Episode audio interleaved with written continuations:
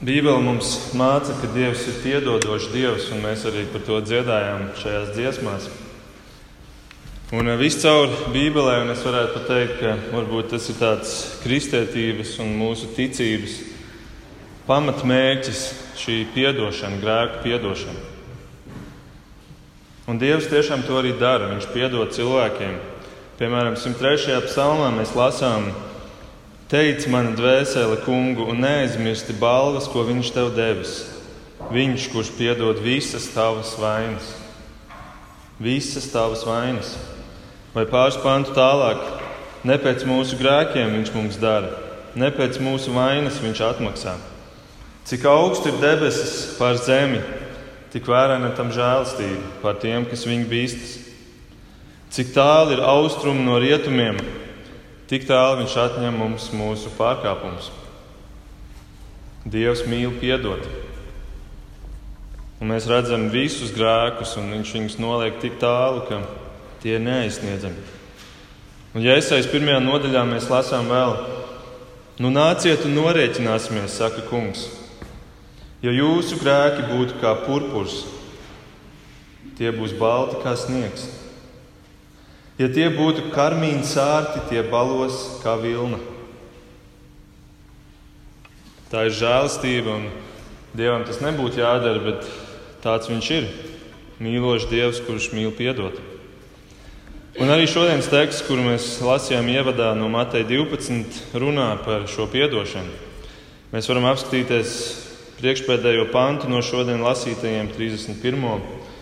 Un tur Jēzus saka, Tādēļ es jums saku, jebkurš grēks un jebkura zaimošana tiks cilvēkiem piedota. Jebkurš grēks, visi grēki, visi grēku veidi, visi grēku apjomi. Un tomēr ir viens grēks, kas ir izņēmums. Viens nepiedodamais grēks.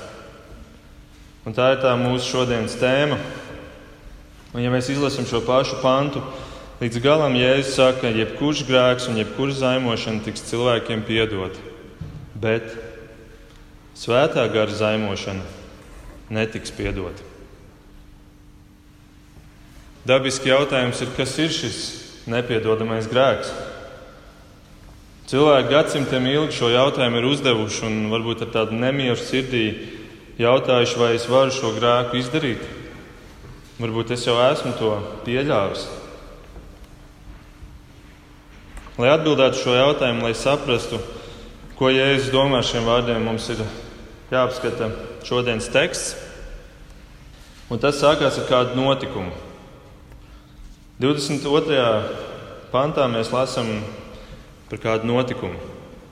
Tad pie Jēzus atnesa dēmona apsēstu, kas bija akls un kurlmēms. Un viņš to dziedināja tā, ka tas varēja runāt un redzēt. Es domāju, ka mēs lasām šo tekstu, un mums tas nav nekas jauns, nav nekāda pārsteiguma. Mēs zinām, Jēzus dziedināja, bet tur esot klāt un staigājot līdzi Jēzum, es domāju, tas bija kaut kas iespaidīgs. Katra dziedināšana bija iespaidīga. Iespaidīgi redzēt, kā Jēzus dziedina šos cilvēkus, un tāpēc regulāri visu laiku bija pūlis ap, ap Jēzu. Bet šis gadījums, šī dziedināšana bija vēl par pakāpi iespaidīgāka, jo šeit mēs redzam ne tikai kāds aklais vai kāds kulmēmais, bet šeit ir šis viss komplekts kopā. Cilvēks, kurš pēc dziedināšanas nevien redz, bet arī sāk runāt. Un tādēļ Pūla reakcija seko 23. pantā. Un viss ļaužu pūlis brīnījās un sacīja: Vai tik šis nav Dāvida dēls? Viss pūlis, viss ir abrīnā. Es domāju, ka liela daļa bija jau Jēzus dziedinām redzējuši, bet šis nošokēja visus. Un tādēļ šī dabiskā reakcija, vai tik šis nav Dāvida dēls? Kas bija Dāvida dēls? Tas bija gaidāmais mesija, par ko Samuēls runā 2. samuēlā 7. kur Dāvidam tiek dots pravietojums, ka viņam būs kāds pēcnācējs, kas valdīs mūžīgi. No Dāvida cilts līnijas dzims kāds, kurš valdīs mūžīgi. Un jūdi bija gaidījuši šo brīnumaino dēlu, Dāvida dēlu, kuram ir jānāk. Un Izraels ir kopš tiem Dāvida laikiem grims ar vien dziļāk, ja tā var teikt, bedrē, un tagad jau ir nonākuši Romas gūstā. Un kur nu būtu vēl labāks laiks kā tagad? Un viņiem ir šī cerība, vai tik šis nav Dāvida dēls. Bet tur ir arī farizēji, kuri to redz. Viņiem nepatīk, ka Jēzus dara šos spilgtos dziedināšanas brīnumus. Bet ziniet, kas viņiem vēl vairāk nepatika? Šis pūļu secinājums. Un tādēļ Pharizēji izvirza savu versiju par šo visu notikumu. 24. pantā, bet Pharizēji to dzirdēdam sacīja: Šis jau izdzen dēmonus ne citādi kā ar Belcebūlu dēmonu valdnieku palīdzību. Kas bija Belcebuls? Tas ir sinonīms sātanam. Tātad viņu apvainojums Jēzum, ka Jēzus šo brīnumu nedara visu dieva spēkā. Viņš nav Dāvida dēls. Viņš drīzāk ir sātana dēls, kurš ir nācis un dara šo visu sātana spēkā. Rakstu mācītājiem Pharizēji tāpat kā tauta gaidīja lielo Dāvida dēlu, bet viņi bija iedomājušies, ka viņš nāks kā varens ķēniņš, kas atbrīvos no visām šīm likstām. Un, un Mēsijam bija jānāk kā varenam ķēniņam ar armiju, un ar zirgiem un ar zobeniem un ar kara ratiem un, un jāstājas pretī. Bet tā vietā ierodās Jēzus, kurš ir pazemīgs un miermīlīgs, kurš negrib strīdēties, kā mēs lasījām iepriekšējās raksturvietās. Dažus pantus atpakaļ, 19. un 20. pantā ir rakstīts, ka nedz viņš ķildosies, nedz klieks, nedz arī kāds dzirdēs uz ielām viņa balsi. Ielūzuši niedri viņš nenolauzīs, un kvēlojošu dakti viņš nenodzēsīs. Kas tad tas tāds par ķēniņu? Un rakstu mācītājiem, farizējiem ir skaidrs, ka šis Jēzus nu, nevar būt tas mesija. Bet tā problēma ir tā, ka, ka tie darbi, kurus šis Jēzus dara, ir pārdabiski. Pat rakstu mācītāji un farizēji to nespēja noliegt. Un tad, kad nāk Nikodējums pie Jēzus, Jāņa 3. mēs lasām, viņš pat saka, ka tas, ko tu dari, to nevar darīt neviens citādi kā no Dieva. Bet problēma ir tā, ka, ja tas ir pārdabiski, un ja farizēju acīs tas nevar būt Dievs, tad tam ir jābūt sātana darbam. Un mēs varam teikt, bet ja viņi būtu pazinuši rakstus, kaut vai šo šo iesaistītu pravietojumu, par kuru mēs iepriekšējās raksturvietās lasījām, 18, 19 pāns, viņi taču būtu atpazinuši savu ķēniņu. Jo tas ir teikts, to teica Jēzus par šo Kristu. Bībele to teica, ka viņš nāks kā, kā miermīlīgs, pazemīgs ķēniņš.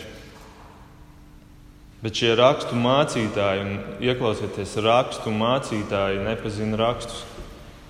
Viņi mācīja kaut ko, kas, kas bija pilnīgi neatbilstoši svētajiem rakstiem. Viņi gaidīja citādāku mesiju, un es domāju, ka tas ir labs jautājums arī mums šodien. Nav nekādas jēgas sakot Jēzum, kuru mēs iztēlojamies savos prātos. Varbūt viņi gaidīja mesiju, bet mēs gaidām savu Jēzu, savu glābēju. Kāds viņš ir mūsu prātos, mūsu galvās? Mums ir jāgaida tas Jēzus, kuru Bībele mums pasniedz. Viņš nav tas, kuru es iztēlojos, viņš ir tas, kas viņš ir. Tāpēc Bībele saka, ka Dievs par sevi saka, es esmu, kas es esmu. Un es domāju, ka daudziem kristiešiem prātā ir tāds iztēles auglis, kas ir nosaukts vārdā Jēzus, bet šis iztēles auglis nespēja glābt cilvēku. Un sekojot šādam jēzumam, tu dzīvē neatrisinās problēmas, tev nebūs miera, tev nebūs prieka, tev nebūs pamats piedošanai. Tu varbūt gadiem ilgi esi sekojis kaut kādam, kaut kādam iztēles auglim vārdā Jēzus, bet vai tas ir tas bibliskais Jēzus? Un tādēļ Bībele brīdina, ka cilvēks var tikt apmānīts, sekojot citam Kristumam. Atcerieties Kalnu svētdienas kulminācijā, kur Jēzus beigās dod šo brīdinājumu, ka daudz nāks un teiks, kungs, kungs. Un Jēzus viņiem atbildēs, es jūs nekad neesmu pazinis. Es jūs nekad neesmu pazinis. Jūs acīm redzot, sekojāt kaut kādam citam Kristum. Tikai patiesais Jēzus spēja glābt. Un tādēļ mums ir jāmācās par viņu no Bībeles, un tāpēc mēs sludinām šādā veidā. Mēs nevaram paņemt šo raksturvietu un vienkārši izvilkt vienu tēmiņu ārā, kur mums vislabāk patīk, un tad runāt kaut ko ap šo tēmu. Tāpēc mēs gribam jums, jums un sev mācīt to biblisko jēzu. Atpakaļ pie rakstu mācītājiem un farizējiem. Tātad viņi atzīst, ka šis brīnums ir pārdabisks. Un viņi pat kā Jēzus ienaidnieki, ievērojiet to, viņi pat kā Jēzus ienaidnieki neatstāja vietu interpretācijai, ka Jēzus ir tikai kāds izcils skolotājs vai kāds brīnumdars vai kāds labs pravietis. Tā kā islāms un jūdaisms par Jēzu runā, viņi arī nenoliedz, ka Jēzus bija un ka varbūt pat darīja brīnums. Bet viņš bija tikai labs pravietis. Bet farizēji to nedara. Viņi saprot, ka te ir kaut kas pārdabisks. Vai nu dievs, vai arī sātans. Un viņi izvēlās otro opciju, Belcebuls. Un mēs varam teikt, kādēļ? Tādēļ, ka viņiem bija jāglābj savā āda. Jo, ja Jēzus tiešām būtu Dievs, ja viņš tiešām ir Mēsija, tad mēs iepriekšējos pantos no Jēzus dzirdējām, ka viņš teica, ka rakstu mācītāju un farizēju taisnība ir nederīga. Tas nozīmē, ka ja tiešām Jēzus ir Dievs, tad viņiem tā nozīmē diskvalifikāciju, beigas. Ar to būtu cauri. Ja viņš tiešām ir Dievs, viņš ir jau pateicis, jūs esat diskvalificēti garīgajās lietās, garīgos jautājumos. Un man te atkal jādomā par mūsdienu cilvēku, kur mums katram ir jāmaksā kāda cena, sekojot Kristum. Un kādam var būt līdzīgi kā rakstu mācītājiem un farizējiem, tas ir nozīmējis zaudēt darbu, nogremdēt savu karjeru, pazaudēt naudu, materiālus, vērtības, komfortu. Citam tas varbūt nozīmējis izjauktas attiecības, pazaudējot draugus vai tikt izslēgtam no ģimenes. Un, protams, daudziem tas ir nozīmējis vēl daudz sāpīgākus sekas un cenu, kā zaudēta veselība, kur tu tiec sists un spīdzināts, un daudzi ir pazaudējuši visu dzīvību. Un tas ir tas jautājums, kādu cenu es maksāju, kādu cenu es esmu samaksājis par savu ticību. Varbūt kāda ir tā cena, kura man būtu jāmaksā, bet es neesmu joprojām gatavs to darīt. Nesen, kā jūs atceraties, bija Helovīns, un, un man ir četri dēli, un divi vecākie jau iet skolās, un tur jau mm, draugi viņus aicina piedalīties Helovīna pasākumos. Un, un tad man bija saruna ar abiem vecākiem dēliem. Un mēs runājām, ka mēs neatbalstam šo Helovīnu pamatnozīmi. Un tad beigās šī saruna mums beidzās ar to, ka mēs secinājām, ka redz, ka ticības dēļ jau šajā vecumā tu sāc maksāt kādu cenu. Pasakot saviem draugiem, ka tu, ka tu neatbalsti šo domu un ka tu neiesi. Bet šie farizēji nav gatavi maksāt savu cenu. Un tādēļ viņi apvaino Jēzu uz ko Jēzus sniedz atbildi. Un šajā atbildē viņš burtiski iznīcina viņu argumentāciju. Un viņš dod trīs pretargumentus. Es viņus visus trīs ietinu A burtos, tā kā trīs A burti būs, lai mums vieglāk atcerēties. Pirmā Jēzus atbilde ir par to, ka jūsu argumentācija ir vienkārši absurda, neloģiska. 25. un 26. pants. Jēzus viņa domas zinādams teica, Ik viena valsts, kas sevī sašķēlusies, tiks izpostīta, un neviena pilsēta vai nams, kas sevī sašķēlies, nepastāvēs. Ja jau sātens izdzen sātenu un ir sevī sašķēlies, kā tad viņa valstī pastāvēs? Es domāju, pavisam vienkārši loģika, mēs varētu teikt, axioma. Valsts ar iekšēju konfliktu nevar pastāvēt. Šodien mēs svinam 11. novembri Lāčplēša dienu. Un, ja mēs atceramies šo notikumu, tad jautājums ir, vai mēs būtu izcīnījuši šo uzvaru tad, ja mums būtu liels domstarpības par to, vai ir jāiet cīnīties vai nav jāiet cīnīties. Kādā veidā, ar kādām stratēģijām, kur būtu iekšējs bezmazliet pilsoņu karš, sašķelšanās, kur mēs karot viens pret otru un bermontieši vienkārši noskatītos to visu un, un viņiem nebūtu pat jāuzbruk. Es domāju, tā ir pavisam vienkārša loģika. Jēzus saka, tāpat arī nams, kas ir sašķēlies, nevar pastāvēt. Tie, kas ir laulībā, tie to ļoti labi zina. Konflikti noārda visu, kas ir mīlestībā, līdz tam uzbūvēts, uzcelts. Un divi cilvēki, kuri dzīvo laulībā un visu laiku konfliktos, šī laulība ilgi neturēs. Bet, ziniet, tas, ko es no šī, šī jēzus argumenta vēl gribu paņemt, ir tas, ka tas ļoti labi ilustrē, kā cilvēks spriež par Jēzu. Tie cilvēki, kuri, kuri paskatās no malas uz ticību, viņi, viņi jau nespriež pēc loģikas. Man ir ar draugiem no skolas laikiem bijušas daudzas diskusijas, un, un viena no tādām, tādiem argumentiem, ko viņi saka par, par mani, ir tas, ka es esmu ļoti augstprātīgs, jo es uzskatu, ka es esmu atradis jau atbildi par to, kā ir radies visums, tātad kreacionisms. Jo viņi uzskata, ka tu nekad nevari beigt meklēt atbildi. Jo varbūt tā nav pareizā atbilde, un tāpēc ir jāturpina meklēt. Un, un tā tu mūžīgi meklēsi atbildi, un tu nekad nenonāksi līdz, līdz atbildēji. Man liekas, tik, tik absurda loģika, kura tevi nekad neaizvedīs līdz mērķim. Bet tā problēma jau ir tā, ka ne jau loģika motivē šos cilvēkus, tāpat arī šos farizējus.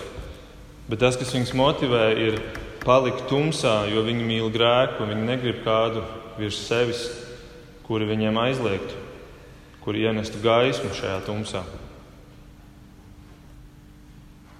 Tātad Jēzus saka, ka jūsu argumentācija ir absurda. Un tad viņš turpina ar otro pretargumentu.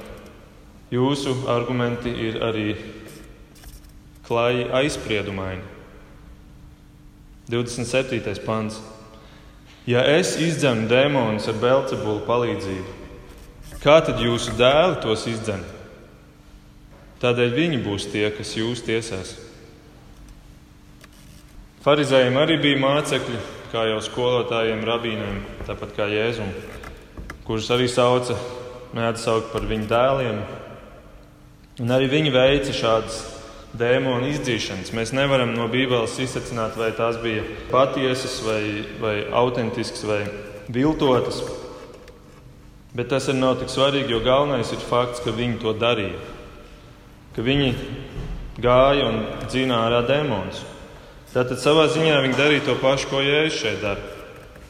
Un, ja Jēzus it kā to darot Belcebula spēkā, tad kādā spēkā viņi to dara?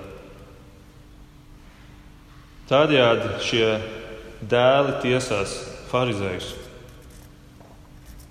Un Jēzus viņiem vienkārši saka, jūs esat aizspriedumaini, jūs mērat ar diviem dažādiem mēriem. Un te atkal mēs varam padomāt par mums, par, par šodienu. Kā cilvēki, ar kuriem mēs arī varbūt diskutējam par ticību, kas ir tas, kādēļ viņi negrib pieņemt šo ticību? Vai tas ir tādēļ, ka viņi ir pārbaudījuši, kas ir Jēzus? Viņi ir meklējuši atbildes Bībelē. Vai tomēr tie ir vienkārši stereotipi, jo kāds kaut ko ir stāstījis par Jēzu, kaut ko viņi ir dzirdējuši. Viņi iespējams ir redzējuši kādus nepievilcīgus kristiešus un viņu nepievilcīgo liecību. Tā tad vienkārši klāja aizspriedumaini, kur tu mēra dažādiem mēriem. Jēzus saka, ne tikai absurda un neloģiska, ne tikai aizspriedumaina ir jūsu argumentācija, bet ir vēl trešā pazīme. Tā ir agoniska. 28. pantā. Bet, ja es izdzēmu dēmonus ar dievu garu, tad dieva valstība jau ir atnākusi pie jums. Ziniet, kāpēc jūs mani apvainojat? Tāpēc, ka jūs esat savā garīgajā agonijā. Jūs mirstat, ar jums ir cauri. Jo, ja jūs zināt, ka es darbojos pārdabiskā spēkā, Un, ja jums nav citu argumentu, kā tikai absurdi, neloģiski un aizspriedumaini, tad paliek tikai viena iespēja, ka es to tiešām daru tajā spēkā, kādā es saku, un tas ir Dieva spēks. Ja es izdzenu dēmonus ar Dieva garu, tad Dieva valstība jau ir atnākusi pie jums. Ja es to daru Dieva spēkā, tad Dieva valstība ir klāta, vai jūs to saprotat? Un tādēļ es nosaku šīs valstības standartus, un ar jums ir cauri. Un jūsu apvainojumi nav nekas cits kā agonisks pēdējās cerības solis glābt savu ādu.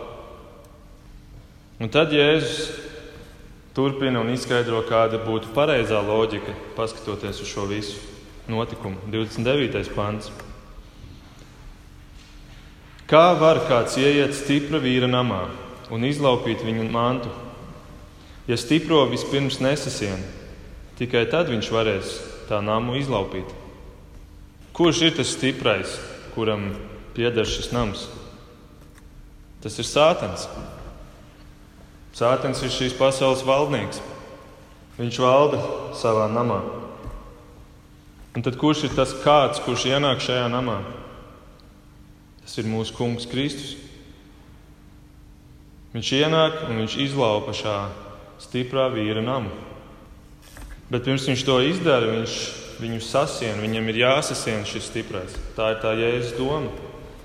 Tātad, ja Jēzus ir pierādījis, ka viņš ir izdzinis šo dēmonu, kurš pieder sātanam, tad Jēzus ir stiprāks par sātanu. To Jēzus šeit pasaka.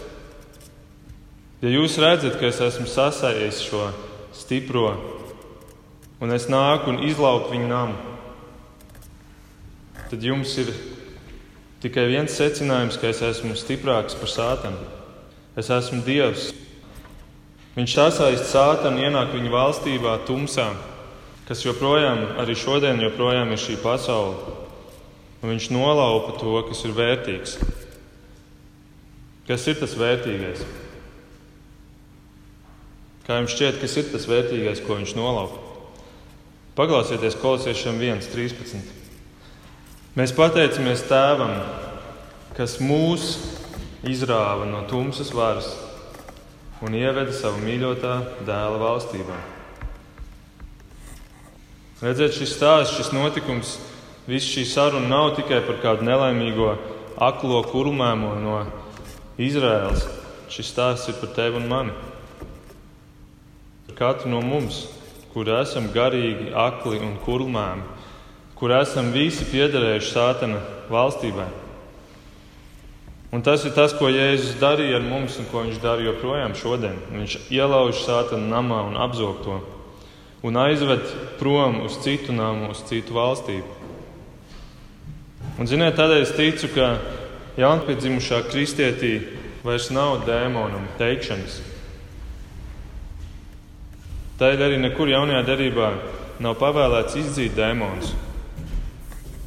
Tāpēc, ka Kristus ir spēcīgāks par viņiem. Tā vietā ir pavēlēts pieaugt atziņā par mūsu kungu Kristu, pieaugt atziņā par šo stipro, kurš ir ienācis šajā namā un kura valstībā mēs esam pārcelti. Pieaugt atziņā par to, kurš ir izrāvis mūs no grēka valstības, no grēka varas. Vai redzi šo lielo kontrastu starp šīm divām valstībām, starp šiem diviem kungiem? Pasaki man, kuram no abiem tu gribi piederēt? To Jēzus arī saka nākamajā pantā, 30. Kas nav ar mani, tas ir pret mani. Un kas ar mani nesavāc, tas izkaisa. Tu nevari piederēt abiem. Ja tu neesi ar Kristu, Tu esi pret Kristu. Vienā citā vietā Bībelē viņš līdzīgi piemēru min, bet tur ir runa nevis par glābšanu, bet par kalpošanu. Tie, kuri arī piemin Jēzus vārdu, nav mūsu grupā, nav mūsu draudzē, ka joprojām viņi ir ar mums, jo viņi to dara Jēzus vārdā. Bet šeit ir runa par, par glābšanu, par dzīvi divās dažādās valstībās. Ja tu neesi ar Kristu, tu esi pret Kristu. Tu varbūt esi ilgi bijis saistīts ar Kristu, un tomēr tu esi pret viņu. Un kā tas izskatās, par to runā abi pēdējie panti. Un tad mēs esam pie mūsu nepiedodamā grēka. 31. un 32. pants. Tādēļ es jums saku, jebkurš grēks un jebkura zaimošana tiks cilvēkam piedota, bet svētā gara zaimošana netiks piedota. Ja kāds ko sacīs pret cilvēku dēlu, tam tiks piedots, bet kas ko runās pret svēto garu, tam netiks piedots nec šajā, nec nākamajā laikā. Tad kas ir šis nepiedodamais grēks? Lai atbildētu šo jautājumu, mēs esam sagatavojuši lielo rāmi, apskatoties šo notikumu. Bet mums trūkst vēl viena svarīga detaļa. Proti, Kā Jēzus veica savu misiju? Vai viņš to darīja pēc sava prāta, gāja un rīkojās? Nē, Bībele māca, ka viņš visu darīja pēc tēva gribas. Mēs esam to bieži pieminējuši, bet mēs retāk esam pieminējuši, kā spēkā viņš pildīja tēva gribu. Un atbildi ir, ka viņš visu darīja, visu darīja svētā gara spēkā. Jēzus pakļāvās tēva gribai un svētā gara spēkam. Matei 3, piemēram, kur ir kristības jēzuma, tur mēs lasām, pēc kristības Jēzus tūlīt iznāca no ūdens un redz, debesis atvērās, un viņš redzēja dieva garu kā balodu un nolaižamies uz viņu. Un tad pēc tam nākamajā nodaļā, pirmais pants, tad gars aizveda Jēzu tūkstnesī ka viņš tiktu vēlni kārdināts. Un tad pēc šī tūkstneša viņš atgriežas un Lūka 4. uzreiz nākamais pants. Pēc šīs kārdināšanas tūkstnesī skan šāds: Bet Jēzus gara spēkā devās atpakaļ uz Galileju. Visur, kur viņš gāja, tur visur gars viņu vada. Tas ir svētā gara spēks, kas tiek izdzīvots caur Jēzus rokām un kājām un muti. Un tad Lūk, 4.18. Jēzus saka, kunga gars ir pār mani, jo viņš ir svaidījis mani pasludināt prieka vēsti nabagiem. Viņš ir sūtījis mani dziedināt un tā tālāk. Tad visu, ko viņš dara, viņš runā, viņš sludina, viņš dziedina, visu viņš dara šī svētā gara spēkā. Un tad mēs varam iedomāties, ka Izraēla staigāja divas trīsvienīgā dieva personas. Tur nebija tikai Jēzus, tur visur klāt bija svētais gars. Un arī šajā šodienas notikumā, Jēzus dziedināšanā, kur Jēzus dziedina šo aklo kurmāmo, tas notiek svētā gara spēkā. Bet farizēju secinājums ir, ka tas ir sātans, nevis svētais gars. Un līdz ar to, ar to viņi nezaimo pašu Jēzus darbu, bet to darbu, kur veids Svētais Gars. Jēzus saka, ja kāds ko sacīs pret cilvēku dēlu, tam tiks piedots. Un es domāju, Jēzus šeit izvēlās apzināti šo apzīmējumu cilvēku dēls, jo viņš to nelieto bieži Mateja evaņģēlijā, viņš to vairāk lietos Lūka evaņģēlijā. Bet šeit viņš viņu lieto kā dēļ, lai pateiktu, ka šeit ir tā cilvēciskā puse. Te ir doma, ka tu par Jēzu spried no šīs cilvēciskās puses. Varbūt pirmo reizi redzot viņu, un tu, tu domā, nu kā, nu tāds, tāds varētu būt tas mūsu mesija. Šādā izskatā, šādā attieksmē un izturēšanās veidā. Tu redzi tikai šo cilvēcisko pusi, un tu varbūt kļūdies. Un tas tiks piedots. Viens piemērs ir Jēzus māceklis Natanēls Tad, kad viņš pirmo reizi dzird par Jēzu, viņš saka, vai tad no nācerēts var būt kas labs? Redziet, viņš redz tikai šo cilvēcisko pusi.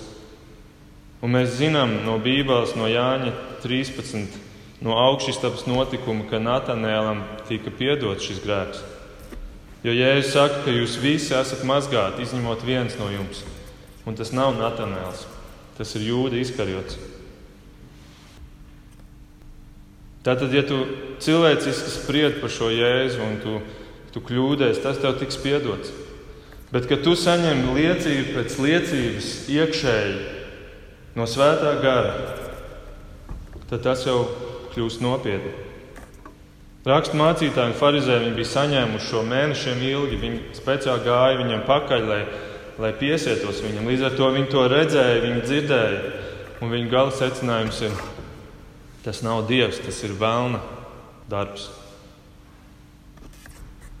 Un, ziniet, mēs varbūt sakām, nu labi, viņi redzēja visus šos brīnumus. Bet es gribu teikt, ka šodienas liecība, kuru mēs saņemam, ir vēl spēcīgāka. Jo šodien mums ir Dieva dzīvais vārds, Bībele, jaunā derība. Un šodien miljoniem cilvēku šajā pasaulē staigā svētā gara piepildīti. Šo abu liecinieku todien nebija viņiem. Šie abi liecinieki, svētais gars un Dieva vārds, arī šodien liecina, arī šajā rītā liecina tev. Un, ja tu šo liecību saņem atkal un atkal, un tavs gala secinājums ir, Jēzus nav Dievs, vai Jēzus nav tāds, kādu es gribu, lai viņš būtu. Es neticēšu šim Jēzum, es ticēšu mazliet pārveidotam Jēzum. Un tu saņem joprojām šo liecību pēc liecības un liecības.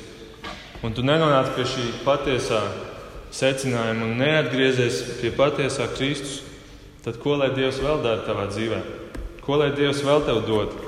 Tas ir kā Jēzus 5, kur Dievs Izraēlu sauc par vīna dārzu un saka, ko vēl lai es daru savam vīna dārzam, ko es neesmu darījis. Es taču cerēju, ka ienāksies vīnogs, bet ienācās skābulis. Ko lai es vēl daru, ko es nebūtu jau darījis? Un tā kā rezultātā rezultāti nebija, tad Dievs atļāva nojaukt sētas ap šo vīndārzu, simboliskā nozīmē runājot, un ienākt ienaidniekiem un aizvest Izraēlu tautu uz Babiloniju gūstā. Pazušanā. Ko lai es vēl daru, ko es nebūtu jau darījis? Es vēlos noslēgt pēdējās minūtes, veltot, apskatoties vienu piemēru, kā tas notiek no kāda notikuma, jeb no kādas vēstules, kas ir jau kristiešu draudzē rakstīta. Un tā ir ebreju vēstule, sastā nodaļa. Pirms pāris nedēļām mēs jau aplūkojām, un es šodien gribu tikai īsi apskatīties tieši no šī aspekta. Jūs varat aizšķirt uz ebrejiem 6 un apskatīt, atvērt 4. pantu. Jo šis ir šāds piemērs šādam nepiedodamam grēkam, Šo tekstu bieži lieto, lai, lai pamatotu spēju, ka tu vari atkrist no patiesās glābta, glābjošās ticības un pazaudēt savu glābšanu. Taču, kā mēs redzam, un kā mēs jau esam runājuši, ka šī raksturvieta nerunā par ticīgu cilvēku, bet par tādu, kurš nav atgriezies vēl pie Kristus. Par tādu cilvēku, kurš ir tik daudz saņēmis, un es jums parādīšu, ko viņš ir saņēmis.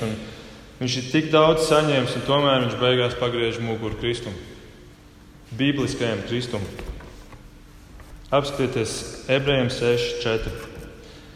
Bet tos, kas reiz tikuši apgaismoti, apstāsimies pie šī. Ko nozīmē tikt apgaismotam? Apgaismība Bībelē runā par prātu, par zināšanām. Tātad tu esi saņēmis gaismu, tu esi saņēmis Dieva vārda patiesību, Un tā ir tā varbūt intelektuālā ticēšana, ka tur prātu saprot, nu jā, Dievs ir, tam es ticu. Bet tas vēl tev nepadara par Kristus glābtu mācekli. Tad viņš turpina, baudījuši debesu dāvanas. Kas ir debesu dāvanas? Tas ir tas, ko mēs saprotam kā svēto vakarēdienu. Tas, ka cilvēks nāk pie vakarēdienas, vēl nenozīmē, ka viņš tiešām ir ticīgs, glābts cilvēks. Nākamais bijuši līdzdalīgi pie svētā gara. Redziet, te ir svētais gars pat pieminēts. Bet ko nozīmē līdzdalīgi? Bībele nekur nekad nesauc kristieti par līdzdalīgu svētajā garā. Bībele saka, ka svētais gars tevī iemājo, ka viņš ir zīmoks, kas ir uzspēsts tev, kas ir tevī.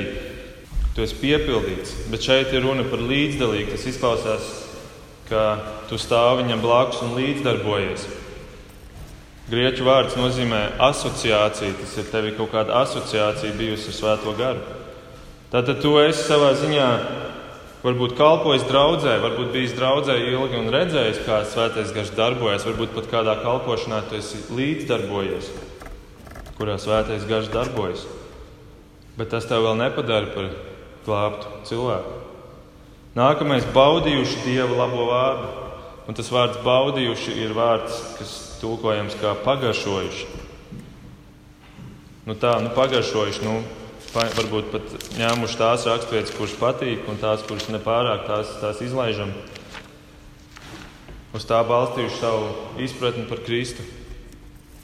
Varbūt tas, ko mēs angļuiski sakām, cherry picking, ka tu paņem tikai tos ķirsīšus no kūkas, tie, kas tev patīk un garšo. Nākamais - sajutuši nākamības laikmeta spēkus.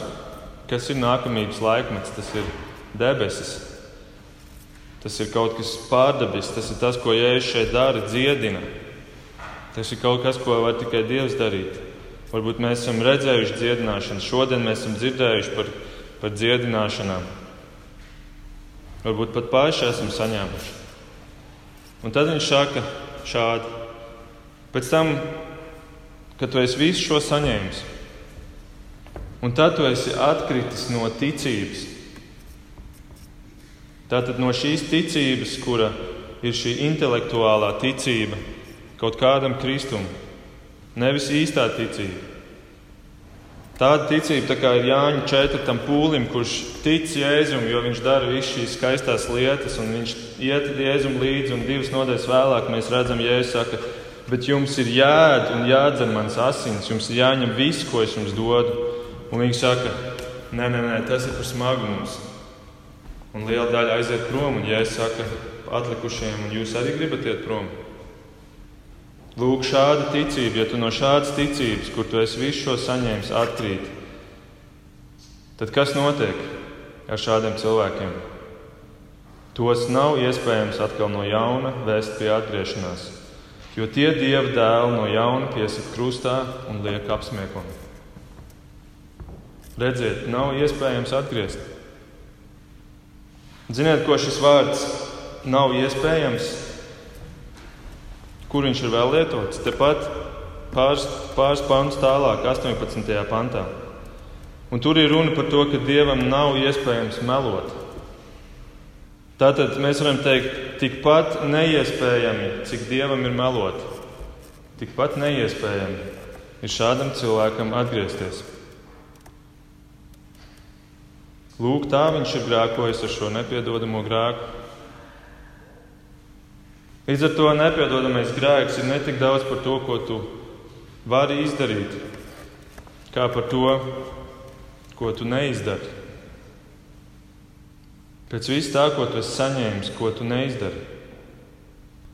Un tad es aicinu mūs katru šodien, tagad, ļauties svētā gara darbam un pieņemt to jo viņš liecina par šo Kristu, par Dieva dēlu. Viņš aicina uz grēku nožēlu, bez kuras nav iespējama Dieva atdošana. Un tu jau zini, cik daudz tu esi saņēmis svētā gara liecību tavā dzīvē. Bet tu nezini, cik daudz tev vēl ir atlicis. Tādēļ neaizej tik tālu, ka atpakaļ ceļa vairs nav. Tas ir tas, ko es ticu, Jēzus mums katram šodien grib pateikt svētā gara spēkā. Amen. Debes Tēvs, paldies, Kungs, par, par visu to, ko Tu dari mūsu labā. Paldies, ka Tu tik daudzos veidos liecini par sevi, ka Tu to visu dari mīlestībā un ka Tu to dari gudrībā. Es Tev lūdzu, Kungs, ka Katrs, kurš dzird šos vārdus, ka viņš nenoslēgtu savu sirdi, neapcietinātu savu sirdi tavam spēkam, tavai liecībai. Bet ka mēs katrs gribētu un lūgtu tev piedot mūsu grēkus. Un pat ja mēs tevi pazīstam, jēzus, pat ja mēs esam tavi bērni, bet ka mēs turamies pie kādiem grēkiem, ka, mēs, ka mums tie sāktu riept un mēs gribētu no tiem tikt vaļā jo mēs zinām, ka tas nav no mūsu nama, kurā tu dzīvo, bet tas ir no sātana nama. Es lūdzu, kungs, ka mēs būtu draugi, kura būtu, kur tiektos uz svētu dzīvi un kur pagodinātu tevi un kura nestu šai pasaulē tādu liecību, kāda atbilst bibliskajam Kristumam. Un, kungs, lai neviens, kas ir šajā namā un kas dzird šo vārdu, savas dzīves beigās netiktu konfrontēts ar to, ka, ka, ir, ka ir grēkot šis viens grēks pret Svēto garu, kurš sirds ir apcietināta un, un tu Kristu vienīgais glābējs esi noliegts. Es to lūdzu par katru no mums un lūdzu to mūsu Kunga Jēzus vārdā. Amen.